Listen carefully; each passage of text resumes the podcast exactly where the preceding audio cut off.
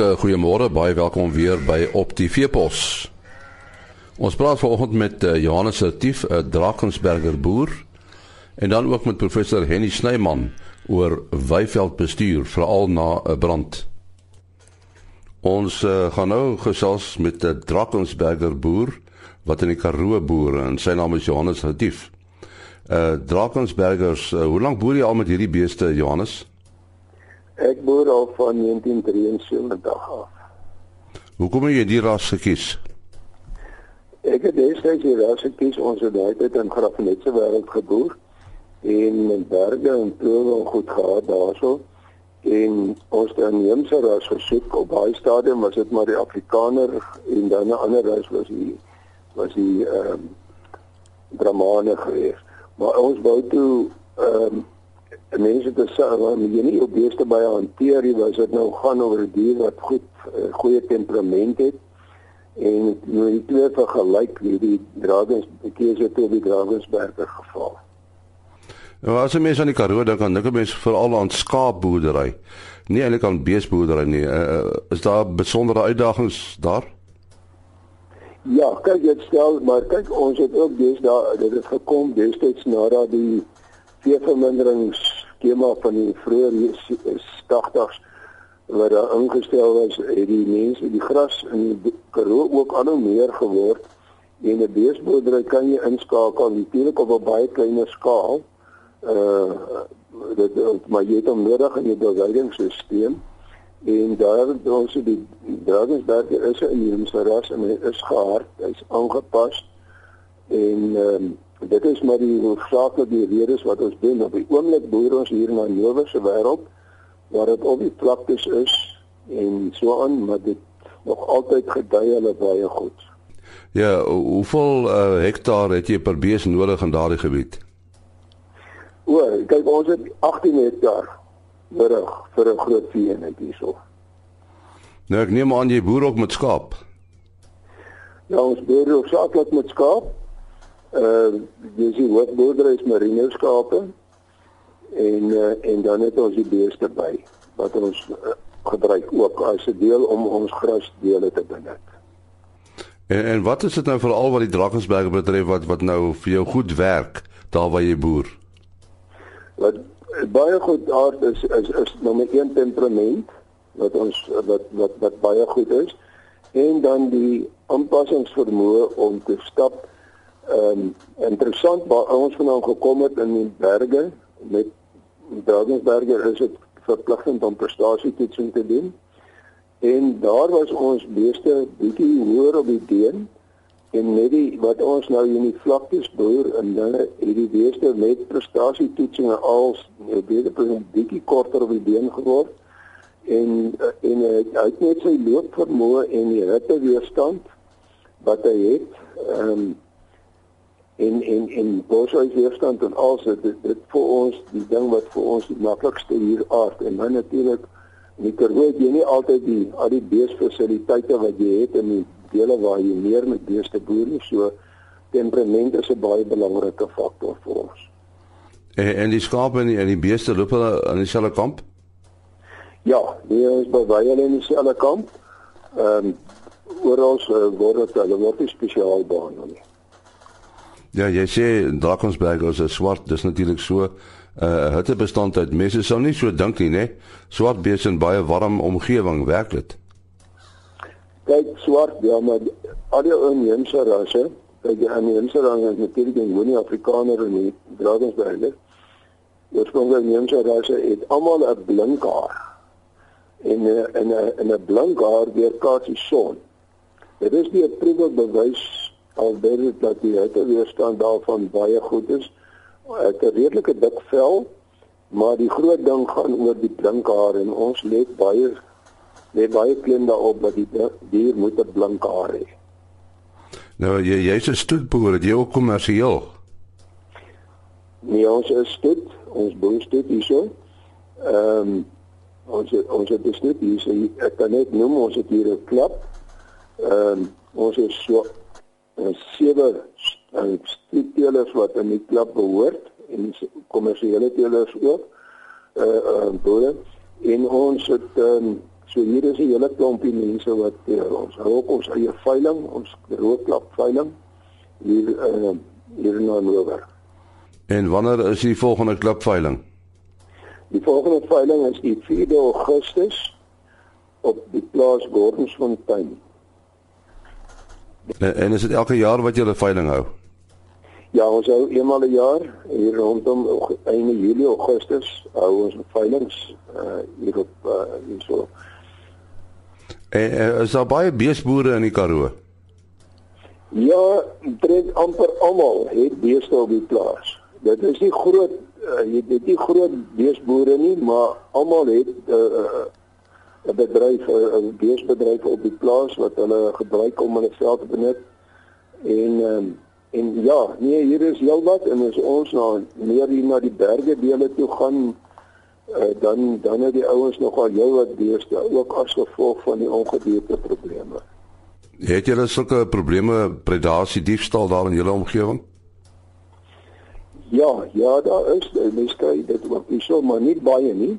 Uh meer rondom die dorpe, maar by die, by ons wat as jy eentjie weg is van die dorp 15 20 km weg is dan het ons nie 'n groot probleem op die stadium. Nou jy as stoetboer, wat sou jy uh jou sukses uh aan wat sou jy dit dank uh, jou sukses in die bedryf? Sukses ja, dit is maar as 'n mens lief is vir 'n die dier, dan behaal jy sukses.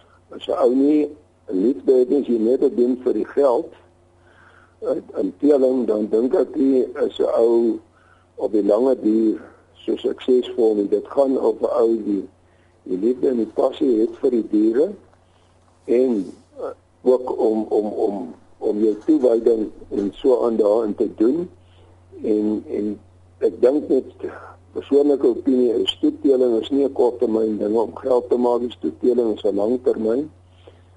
En dit is dit dit vat tyd en uh, as 'n ou dit reg doen dan kan jy by ouens sukses behaal.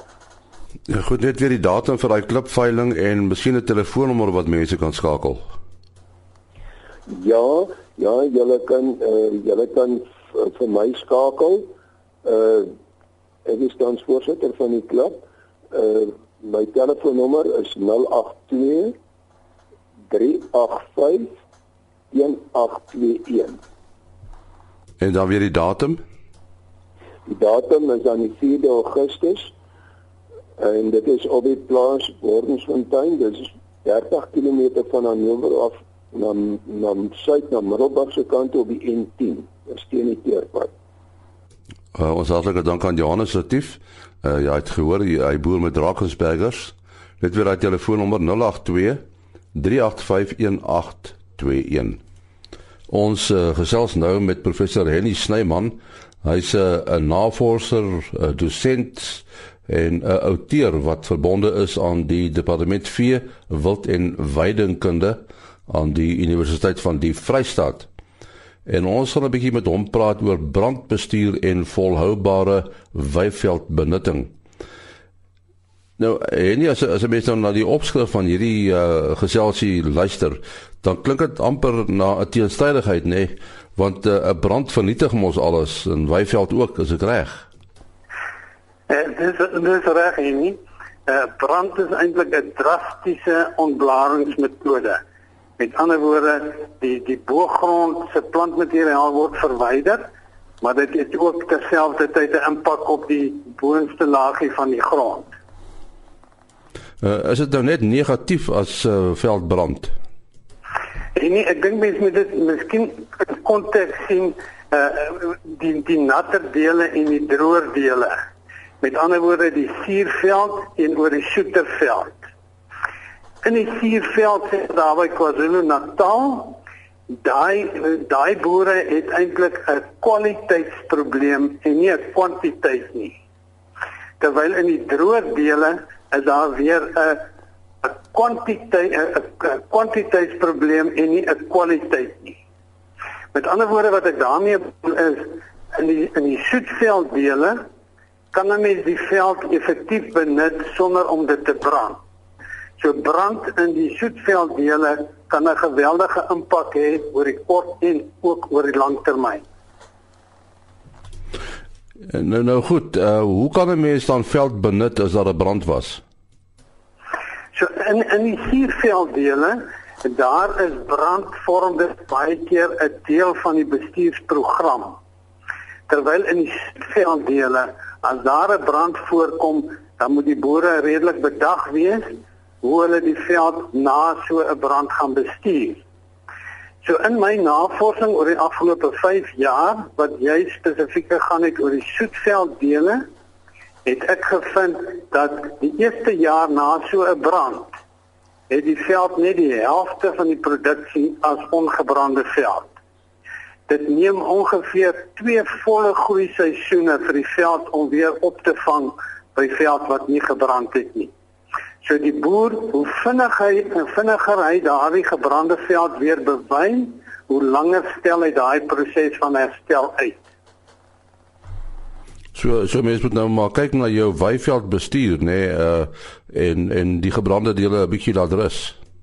Dis dis reg. So dit is baie belangrik om nie te gou daai gebrande veld te te bewy nie want want hulle is nou onder ewig aan aan aan hoë grondtemperature, hoë waterafloop en dit is gewoonlik daai veld as daar 'n 'n droogte voorkom wat hulle eerste beginne verwelk. Uh, en nie as mense nou oor oor uh, weiveld uh, oor die algemeen praat. Uh, ons gebruik die woord weiveld, maar weiveld uh, is is natuurlike veld uh, wat uh, die moeder natuur vir ons daar gesit het of is dit aangeplante uh, veld? Dis reg. 'n Weiveld uh, in daai konteks kan mens dit beskou as veld wat natuurlik daar staan terwyl aangeplante weidings is gewasse wat nie daar staan nie noodwendig daar staan nie wat wat ingebring is om eintlik die potensiaal uh, op te stoot. En dit kom gewoonlik voor in sê maar ou lande of of vir laer potensiaal grond waar kontant gewasse nie meer die mas opkom nie, daar word gebruik gemaak van aangeplante weidings. Nou, kan 'n mens iets aan weiveld doen om eh, die kwaliteit daarvan te beter, te verbeter? Dis reg. As 'n mens 'n 'n goeie wetenskaplik gegronde weiveld bestuurstelsel het wat wat voldoende rusperiodes insluit eh, dan kan 'n mens die veld se potensiaal of die samestelling daarvan kan jy verbeter. Hoe meer smaaklike plante daar in die veld voorkom, uh hoe meer jou klimaksplante, hoe beter is die toestand van die veld en hoe beter gaan jou diere prestasie op die ouend wees. Uh hoe pas uh, die sogenaamde geforseerde weidingstegniek in uh, by hierdie uh, weiveldbestuur? Ja, daar daar is nou baie baie uh, uh, verskillende maniere van benadering hoe jy die weiveld gaan bestuur. So so dit is nou so so jy reg sê, daar's nou die die benadering van hoë drukbeweiding en daar is die benadering van 'n uh, lang rusperiodes wat ingebou word. So elke stelsel het sy voor en, en sy nadele. So daar's nie 'n uh, 'n stelsel wat nou kop bo die ander uitstaan nie, maar die beginsels van veldbestuur is by elke benadering baie belangrik en die kernwoord hier is 'n voldoende rusperiode. Die lengte van die rusperiode is baie belangrik. So die weidplant hou daarvan dat jy moet ontblaar of sny, maar dan moet jy hom weer lekker lank laat rus. Ons sê baie dankie aan professor Henny Snyman van die departement vee wild en weidingkunde aan die Universiteit van die Vrystaat. Môreoggend is ons terug. Tot dan, mooi loop.